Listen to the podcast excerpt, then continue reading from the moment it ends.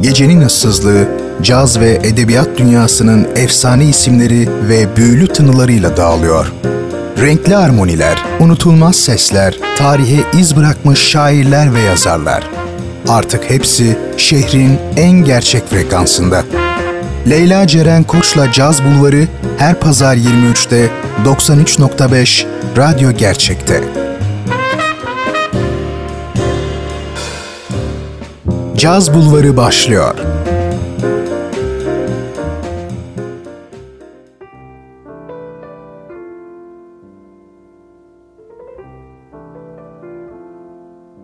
Şehrin caz ve edebiyatla buluştuğu adres 93.5 Radyo Gerçek frekansından merhaba sevgili dinleyenler. Ben Leyla Ceren Koç'la birliktesiniz. Pazar gecelerinin en huzurlu tınılar ve birbirinden farklı hayat hikayeleriyle buluştuğu program Caz Bulvarı'nda bu hafta yine bir edebiyat sanatçısının hayatıyla radyonuzun diğer ucunda olacağım. Edebi tarihin sansasyonel isimlerinden ciddi bir nazi karşıtı 20. yüzyılın en önemli ve Nobel ödüllü Alman yazarlarından Thomas Mann'den bahsedeceğim. Caz Bulvarı başlıyor. Hoş geldiniz.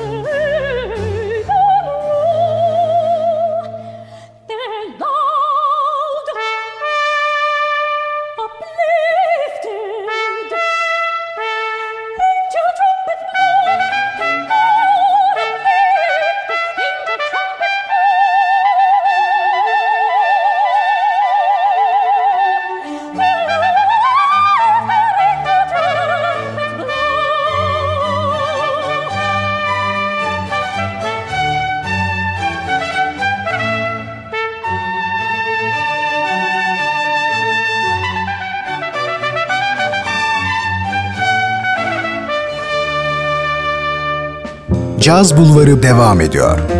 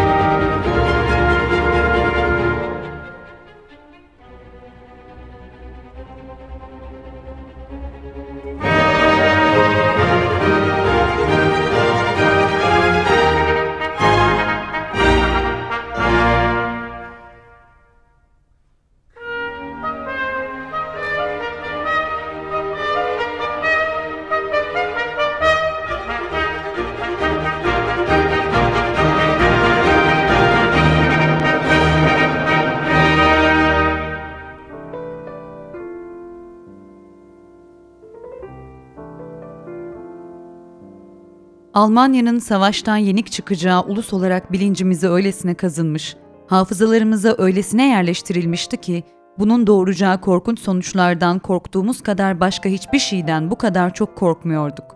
Fakat bundan çok daha fazla korktuğumuz bir şey vardı, o da Almanya'nın savaştan galip çıkma olasılığıydı. Bazılarımız Almanya'nın yenilgisini bir cinayet gibi görürken bazıları da onun savaştan galip çıkmasının yenik çıkmasından çok daha korkunç olacağını söylüyorlardı. Ben her ne kadar başka ulusların kendi gelecekleri ve bütün bir insanlığın geleceği uğruna kendi devletlerinin yenilgisini istemek zorunda kalmış olduklarını biliyorsam da böylesi bir yazgı için daha önce hiç yaşanmamış korkunç bir trajediyi, bir büyük felaketi kendi ülkem için diyemiyorum.''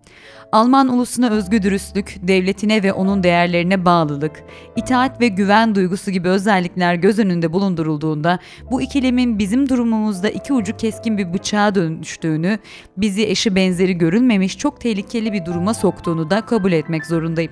Böylesine iyi özellikleri olan bir ulusu başka hiçbir ulusun düşmeyeceği kadar zor bir duruma düşüren ve teda- tedavisi imkansız bir biçimde onu kendisine yabancılaştıran kişilere karşı içten içe derin bir öfke duymaktan kendimi alamıyorum. Bu yazdıklarımın talihsiz bir rastlantı sonucu oğullarımın eline geçmesi ve onların bir tür milliyetçilik gururuyla beni herhangi bir ayrım yapmadan doğrudan gizli polise ihbar etmek zorunda kalacaklarını düşünmem, sanırım içine düştüğümüz felaketin ve yaşadığımız ikilemin ulaştığı derin boyutu anlatmaya yeterli.'' İşte bu sözler henüz 25 yaşındayken yazdığı Bodenbrocklar, Bir Ailenin Çöküşü adlı romanıyla gerek Alman edebiyatına gerek dünya edebiyatına damgasını vuran gerçek bir nazi karşıtı yazar Thomas Mann'a ait. Ve sözleri yaşadığı dönemin ve toplumun korkunç akıl tutulmasına inanılmaz bir kanıt. Her ne kadar modern bir romancı olarak tanınıyorsa da Thomas e, edebi eserlerinin yanı sıra toplumsal, sosyal ve siyasi eleştirileriyle de e, dikkatleri çeken birisi. Thomas Mann'ın yaşam hikayesi de 1875'te Lübeck'te doğmasıyla başlıyor. Varlıklı bir ailenin çocuğu olan Mann'ın babası Thomas John Henry Mann, varlıklı bir tüccar, annesi ise Julia, kalburüstü bir Al- Alman ailesinin mensubu. Erken yaşta babasını kaybeden yazar bu kaybın ardından da 1893 senesinde ortaokulu bitiriyor. E, bundan sonra da çok nefret ettiği bu okuldan ayrılarak annesi ve kardeşiyle birlikte Münih'e taşınmış. Burada Güney Alman Yangın Sigorta Bankası'na gönüllü stajyer olarak girmiş, 1895-1896 yıllarında da Teknik Üniversitede okumuş. Aslında okul hayatına ve okumaya pek düşkün olmasa da Goethe ve Schiller'in eserleriyle ona okumayı sevdiren bir edebiyat öğretmenine sahipmiş ve ona her daim minnet duymuş Man. Thomas Mann'ın gelişiminde birçok besteci, orkestra şefi ve akademisyenle kurduğu dostluğun özellikle de müziğin önemli bir rolü var. Yazarın biyografisinde e, kaleme alan, daha doğrusu biyografisini kaleme alan Klaus Schroeder'e göre ise sanatçılığı açısından Mann eserlerinin eleştirel metafizik içeriğini Nietzsche ve Schopenhauer'e, biçim ve kurgusunu Tolstoy'a borçlu.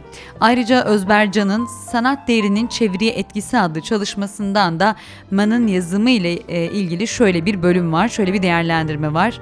Aynen şöyle diyor. Kendini ifade etme cesareti, cinselliğe yaklaşımı ve içgüdüleri Freud'un kendini eğitme, onaylama ve güçlendirme çabasıysa Goethe'nin eseridir. Çağdaş Avrupa eleştirel gerçekliğinin ve 20. yüzyıl Alman romanının bu önemli temsilcisi, içine hayat hikayesini kattığı eserlerinde öznelliğe sıkışıp kalmaz. Gürsel Aytaç'ın ifadesiyle o, yaşayan, yaşamayı bilen, oyundan, şölenden hoşlanan, büyüklerin, zenginlerin sofrasında bulunmaktan çekinmeyen, tek eksiği namus olan biridir.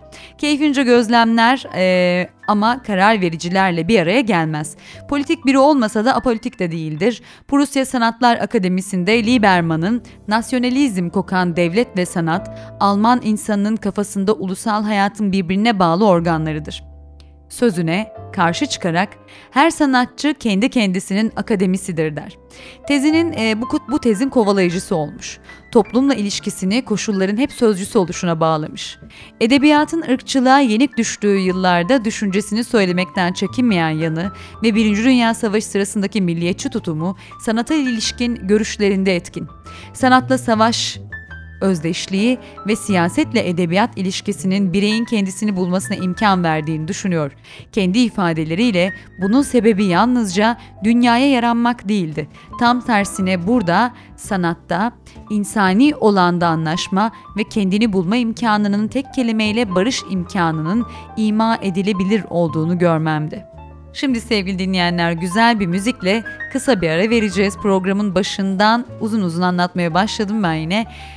Ardından Men'le devam edeceğiz. Güzel bir Gershwin dinleyelim bakalım. Sonra devam.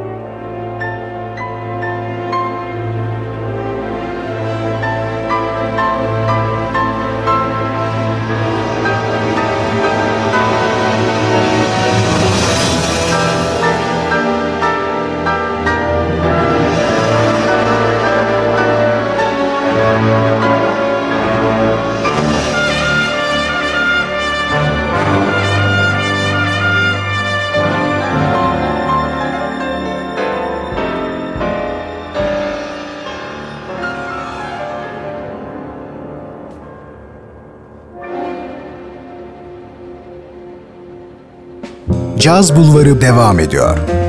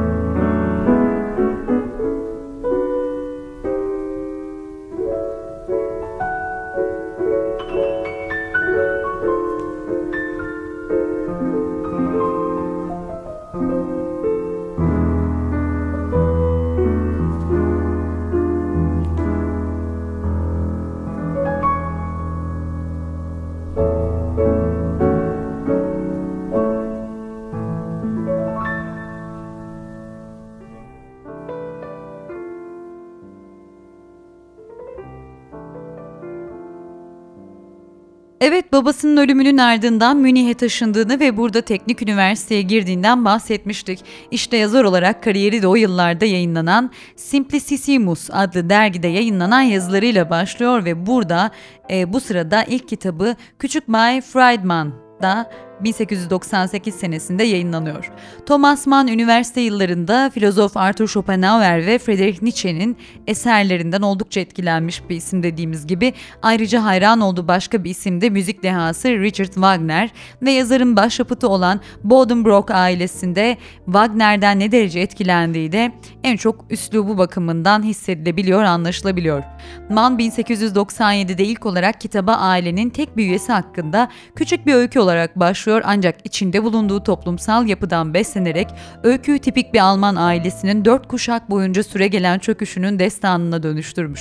E, Burjuvazinin yüksek Avrupa değerleri altında gelişirken bunun getirisi olan din, ahlak ve lüks düşkünlüğüne boğuluşunu eleştiriyor bu eserinde. Son Bodenbrock, genç müzisyen Hanno karakterinin ölümündeki trajedinin yazarın diğer eserlerindeki karakterlerinde de tekrarlandığı söyleniyor. Bu gözlemlenebiliyor. Ancak en çok bu büyük eser yazarın ismini dünya çapında duyulmasını sağlamış. Bu arada tiyatro denemelerinden sonra Bodenbrock'lar Büyülü Dağ ve Doktor Faust gibi romanları ve Venedik'te Ölüm'de sanatçının dünya edebiyatına giren eserleri arasında. Bu arada Mann'ın diğer sanat dallarındaki isimlerden ne derece etkilendiğini ve eserlerine direkt olarak yansıtabildiğini söylemiştik. İşte Wagner dışında sanatçının etkilendiği bir başka isminde Mahler olduğu söyleniyor. 1910'da Münih'te premierine katıldığı Mahler Senfonisi ile Mahler izlerini Venedik'te Ölüm adlı eserinin merkezi karakterine Gustav von Eisenbach'a aktardığı, hatta Venedik'te Ölüm'ün Mahler'in 1911 yılında ölümünün etkisiyle yazılmış olduğu ileri sürülenler arasında. Bodenbrock'larla Burjuva ailenin Venedik'te ölümle sanatçı ahlakının çöküşünü işleyen Mann, Nazi rejimine karşı çalışmasının bedelini de 1936'da Alman vatandaşlığından çıkarılarak önce iç İsviçre'ye ve bir zaman sonra da Amerika Birleşik Devletleri'ne göçerek ödemiş aslında. Bu kısmı da daha sonra kısaca anlatacağım. Şimdi gelelim yazarın Venedik'te Ölüm adlı eseriyle ilgili Profesör Doktor Kasım Eğit'in can yayınlarından çıkan Venedik'te Ölüm'ün ön sözündeki bir başka incelemeye. Thomas Mann, Bodenbrook'lardan sonra benzer bir başarıyı da Venedik'te Ölüm'le yakalamış. Doktor Faustus adlı romanda anlatıldığı gibi besteci Leverkühn'ün içine düştüğü korkunç ruh hali bir anlamda Venedik'te Ölüm adlı eserde de hakimdir. Ancak burada sorun daha masumca ifade edilir. Sanat nedir? sanatçı kimdir? Eserin özellikle ikinci bölümünde büyük şair Gustav von Eisenbach'ın sanat anlayışı ve sanatçı kimliği öne çıkar. Sanatçılıkla burcu ve özelliklerini hayatında birleştiren Eisenbach, güzele des teslim olunca ya da başka bir deyişle tutkunun esiri olunca ruhu alt üst olur ve bütün ahlak değerleri çökmeye başlar. Thomas Mann, Eisenbach'a atfettiği neoklasizm dönem edebiyatına damgasını vuran dekadans atmosferinden uzaklaşmayı hatta kurtulmayı hedeflemektedir. Thomas Mann 1912 yılında yayınlanan Venedik'te Ölüm adlı eseri sırasında daha doğrusu eserini aslında Göte hakkında bir öykü olarak tasarlamış. Eserin konusu da Göte'nin ileri yaşta Marienbad adlı kentte yaşadığı bir aşk hikayesi olacakken konu özelden genele doğru bir gelişim gösteriyor. Göte model alınarak yaratılan Gustav von Eisenbach karakteri üzerinden Prusya ve 2. Wilhelm döneminin tehlikeli boyutlarını eleştirerek sanat ve sanatçı sorununu işleyen yazar bu bağlamda aşk ve esere adını veren ölüm temasını da ön plana çıkarmış. Evet sevgili Caz Bulvarı dinleyenleri bu kısa bilgilerin ardından şimdi bir ufacık daha ara vereceğiz. Güzel bir iki caz klasiği dinleyeceğiz. Ardından devam.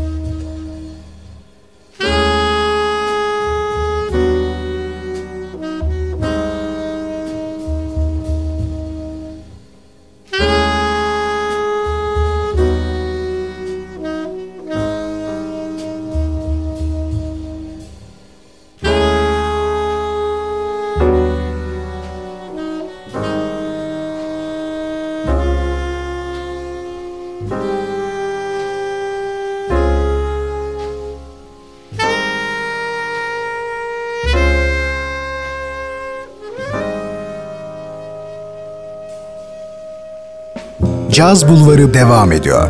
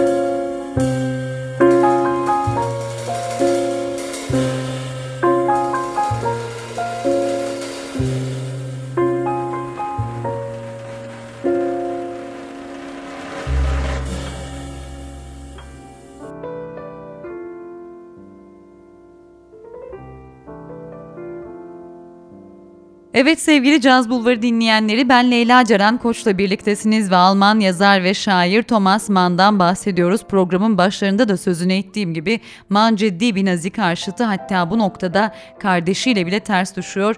Onun için biraz onun politik duruşundan söz etmekte fayda var. Mann 1. Dünya Savaşı'nı 1918 senesinde ulusal bir Alman coşkusu içinde pasifizmi, toplumsal değişimi savunuyor ve böylelikle demokrasi taraftar olan kardeşi Heinrich Mann'la fikir ayrılığına düşüyorlar. Ancak 1922 yılında Dışişleri Bakanı bir suikaste kurban gittikten sonra Thomas Mann o tarihe kadarki siyasal görüşlerine sırt çevirmiş ve bu cinayetten sonra Cumhuriyeti ve demokrasiyi savunmaya başlamış. Dolayısıyla da Heinrich'le de barışıyorlar. Birinci Dünya Savaşı sırasında Mann, Kaiser Wilhelm II'nin muhafazakarlığını da destekleyerek liberalizme saldırmış ancak parlamento demokrasisinin yarı resmi bir sözcüsü olarak Mann, Alman entelektüellerini e, yeni Weimar Cumhuriyeti'ni desteklemeye çağırıyor bu dönemde ve Kasım 1922'de de e, Die Neue Rundschau'da 13 Ekim 1922'de de Berlin'de Beethoven Saal'da bir konferans vermiş ve Novalis ve Walt Whitman'ın kapsamlı okumalarına dayanan Cumhuriyet'in ihtişamlı savunmasını geliştirmiş. Bundan sonra siyasi görüşleri yavaş yavaş liberal sol ve e, demokratik ilkelere doğru kayıyor tabi. 1930'da Man Berlin'de namaza itiraz etmek başlıklı bir kamuoyu açıyor. Burada nasyonalizmi, daha doğrusu nasyonel sosyalizmi şiddetle kınıyor ve direnişi işçi sınıfı tarafından teşvik ediliyor. Bunu Nazilere saldırdığı çok sayıda makale ve ders izliyor. E, Thomas Mann aynı zamanda sosyalist fikirler için artan bir sempatiyi de ifade ediyor o dönemde. Antinazi söylemlerine gelirsek 2. Dünya Savaşı'nın 1 Eylül 1939'da patlak vermesi Mann'ın BBC aracılığıyla Alman halkına antinazi konuşmaları teklif e, etmesini sağlıyor.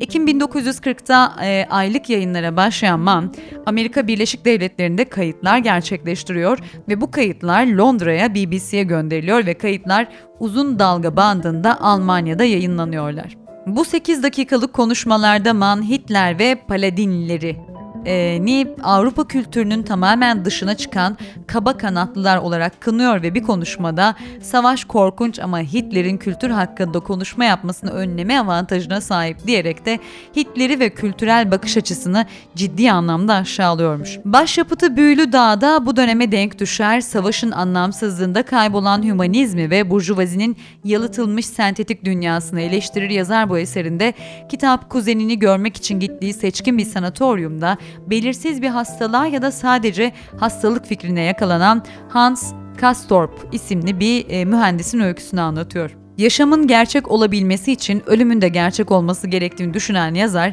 karakterini yalıtılmış sahte hayatından kurtarırken çöküşün kucağına atar. Büyülü Dağ'ın başarısı 1929 yılında yazara Nobel Edebiyat Ödülünü kazandırmış ve aynı dönemde yazar savaştan kaçarak 1933 yılında İsviçre'ye göç etmiş çünkü Naziler artık iktidarda bu dönemde. İsviçre'de dini metinlerin ilk mizahi eleştirisi sayılabilecek Yusuf ve Kardeşleri isimli dört ciltlik eserinde ilkini tamamlayan Mann'ın İncil'den aktardığı Yusuf, hayal peşinde koşan bir gençken sorumluluğunun bilincinde bir devlet adamı haline gelir. Mann, İncil'deki metinlerin asıllarına bağlı kalarak ustalıkla oluşturduğu eserinde dini yazıları dogma olmaktan çıkararak yeni ve insani bir bakış açısıyla eleştirmiş, Yusuf'la ilk kez mahvolmaya mahkum olmayıp gelecek için umut veren bir karakteri anlatıyor diyebiliriz. Yazar bu yapıtıyla kendi politik gelişmesini ima ederek faşizmin yenilebileceğine ilişkin umutlarını dile getiriyor hatta da denilebilir. Yazar 1936 yılında ise Alman uyruğundan çıkarılıyor dediğim gibi ve Çekoslovak e, uyruğuna geçerek 1938'de de Amerika Birleşik Devletleri'ne taşınıyor. Man burada 1939'da Lotte in Weimar e, isimli eserini yazıyor ve Princeton Üniversitesi'nde de dersler veriyor aynı zamanda. Lotte in Weimar'da ise Goethe'nin ünlü eseri genç Werther'in acılarının dünya tarafından anlaşılmamış olduğunu vurguluyor ve bu eserle hak ettiği değeri adeta ona geri kazandırılmış. 1944 yılında Amerika Birleşik Devletleri vatandaşı olan yazar 2. Dünya Savaşı'nda Alman dinleyicileri için faşizm karşıtı radyo programları hazırladığını söylemiştik. Bundan 3 yıl sonra ise Nazi dönemiyle ilgili çarpıcı düşüncelerinin yer aldığı Doktor Faustus yayınlanıyor ve 1952'de İsviçre'ye dönen Mann burada da Eseri Felix Krull adlı dolandırıcının itiraflarını ne yazık ki tamamlayamadan 12 Ağustos 1955 yılında Zürih'te yaşama gözlerini kapatıyor. Evet sevgili dinleyenler, e, şimdi biraz da programı kapatmak üzereyim zaten. Programın yavaş yavaş sonuna geldik. Ama asıl şimdi bahsetmek istediğim programı kapatmadan yazarın edebi yönü. Bunun için de Gürsel Aytaç'tan bir alıntı yapacağım. E, Gürsel Aytaç yazarın edebi yönünden çok güzel bir şekilde bahsetmiş. Onun için buradan direkt alıntı yapacağım ve ardından da programı kapatacağım. Aynen şöyle diyor. Biraz uzun ama çok açıklayıcı. Man hakkında gerçekten çok daha derin bilgi edinmenizi sağlayacak bir alıntı bu. Thomas Mann'ın yaratıcılığı kaynağını şahsi yaşantılardan alır. Otobiyografik özellikler taşır ama şahsi olanı dile getirmekle genel çağdaş ve evrensel olanı yansıtmaya amaçlamıştır. İçimde öyle bir inanç var ki çağa ve topluma tercüman olmak için kendimden söz etmem yetmektedir. Bu bilinç olmasa yaratıcılık zahmetinden kendimi azdederdim. Yazım tekniğinde Thomas Mann gerçekçi ayrıntıyı son derece ustalıkla işlemeyi başarmıştır. Bu realistik detay onun bir yerde okuduğu bir hayat hikayesinden bir bölüm olabilir. Duyduğu bir olay, seyrettiği bir tablo, bir fotoğraf olabilir ya da bilimsel bir kitaptan derlediği bir bilgi de olabilir. Kaynağı ne olursa olsun Thomas Mann bu malzemeyi kendine mal etmeyi, özümlemeyi, onu kendi sanat eserinin organik yapısı içine yerleştirmeyi bilmiştir. Edebiyat ve kültür dünyasında yazarın ataları saydığı şahsiyetlerin başında Leising, Goethe, Schiller, Schopenhauer, Wagner, Nietzsche ve Freud gelir. Ama bunların yanı sıra Fransız, İskandinav ve Rus romanı Tolstoy, Kierland ve Lee onun roman sanatının beslendiği kaynaklarıdır. Goethe'nin hem sanatkar kişiliği hem de eserleri Thomas Mann'ın ilgisini hep çekmiştir. Bir Goethe noveli yazma arzusu onun Todd in Venedik'ini yani Lotta in Weimar'ini yaratan motiftir. Todd in Venedik, Venedik'te ölümü yazarken Goethe'nin seçme akrabalıklarını beş kere okuduğunu açıklamıştır. Fakat şunu belirtmek gerekir ki Thomas Mann bu sayılan şahsiyetlere karşı katıksız bir hayranlık duygusuyla dolu olmamıştır. Onlara karşı tutumunda adeta baba oğul ilişkisi sezilir. Onlara hem hayrandır hem de eleştirmekten geri kalmamıştır. Thomas Mann eserlerinde gerçek bir kronolojiden söz etmek güçtür çünkü kendisinin de belirttiği gibi bunların her birinin kökleri derinlerdedir. Planlaması yazarın daha gençlik hatta çocukluk yıllarına rastlar. Üstelik bu plan ve taslaklar birbiri arkasından sırayla yapılmamış, adeta birbiri içinde erimiştir. Büyük romanlarının çoğunu aslında novel olarak planlamış, sonra da yazarken elinin altında büyüyüp gelişmelerine engel olamamıştır. Thomas Mann'ın dünya roman edebiyatına katkısı onun geçmişine yönelmesi, mitolojik roman türünü yeniden canlandırmasıdır. Bütün romanlarında ve novellerinde mitik olanın büyüleyici gücü dile getirilir mitolojik roman sınıfına girmeyen Bodenbrock'larda e, bile mit unsuru çekirdek halinde mevcuttur. Aile tarihçesine ve geleneğe karşı saygı, mitolojiye götüren bir duygu ve bilinç perspektifi içinde işlenmiştir. 19. yüzyılın tarihi e, tarihçi görüşünü Wagner'in mitolojiye çevirdiğini belirten Thomas Mann, mitoloji anlayışı yönünden Wagner'in ve Freud'un izindedir. Onların her ikisinde de eleştirdiği husus 19. yüzyıla ait özellikler. Freud'un tabiatın karanlık yanlarına karşı sempatisi ve iyimserliği, Wagner'in ise mitosu toplumdan kaçış alanı olarak yorumlaması. Thomas Mann için mitosla toplum karşıt kavramlar değildir. Mitosu hem politize etmiş hem de onu tarihi bir perspektif içine yerleştirmeyi denemiştir. Ona Poeta Doctus adını verenler vardır, yaratıcılığını bilgiyle besleyen bir yazar olarak eserlerindeki mitik manzaralarda zekice çizilmiş yapılardır. Aşırılıktan daima kaçan bir denge insanı olduğunu sık sık belirten Thomas Mann'ın Üslup karakteristiği ironidir. İroni ona göre objektiflik demektir ve sanatında kendisidir. Nişancı sanat tanrısı Apollon bir uzaklık mesafe tanrısıdır. Boğulmanın, coşkunluğun, patolojinin ve ıstırabın tanrısı değildir. Hürriyet tanrısıdır. Yine yazarın ironi anlayışı şöyle. Ama ben bu kelimeyi romantik subjektifliğin ona verdiği anlamdan daha geniş, daha büyük anlamda kullanıyorum. Bu soğukkanlılığı içinde hemen hemen muhteşem bir anlamdır. Sanat anlamının ta kendisidir. Her şeyi tasvip etmektir ki bu nedenle de her şeyi inkar etmektir de. Günlük güneşlik her şeyi birden kapsayan parlak bir bakıştır. Yani sanat bakışıdır. Yani en yüksek hürriyetin, sükunetin ve ahlakçılıkla bunalmamış bir gerçekliğin bakışıdır.'' İşte Gürsel Aytaç'ın Thomas Mann'ın edebi yönüne ilişkin yorumları da böyleydi sevgili dinleyenler. Evet sevgili Caz Bulvarı dinleyenleri programın dediğim gibi sonuna geldik. Artık haftaya pazar tekrar saat 23'ü gösterdiğinde yepyeni bir isimle ve muhtemelen bu sefer bir caz sanatçısıyla buluşuncaya kadar diyorum. Kendinize iyi bakın, güzel müzikten ve iyi kitaplardan uzak kalmayın. İyi geceler.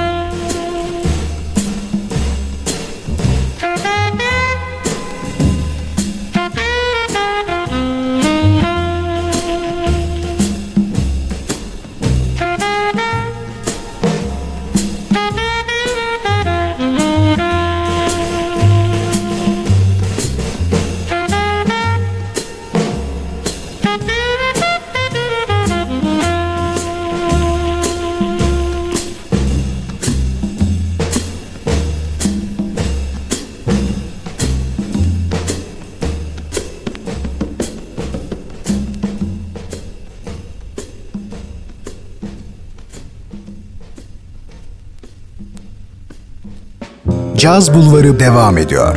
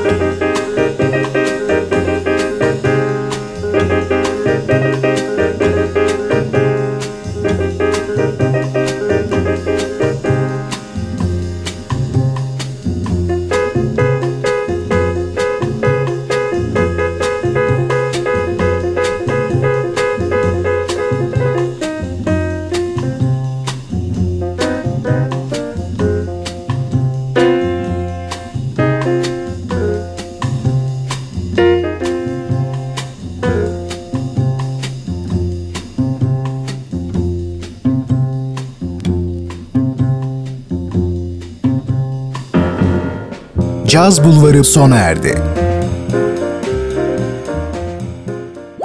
Bu program hakkındaki düşüncelerinizi dinleyen et radyogercek.com adresine mail atarak bize ulaştırabilirsiniz.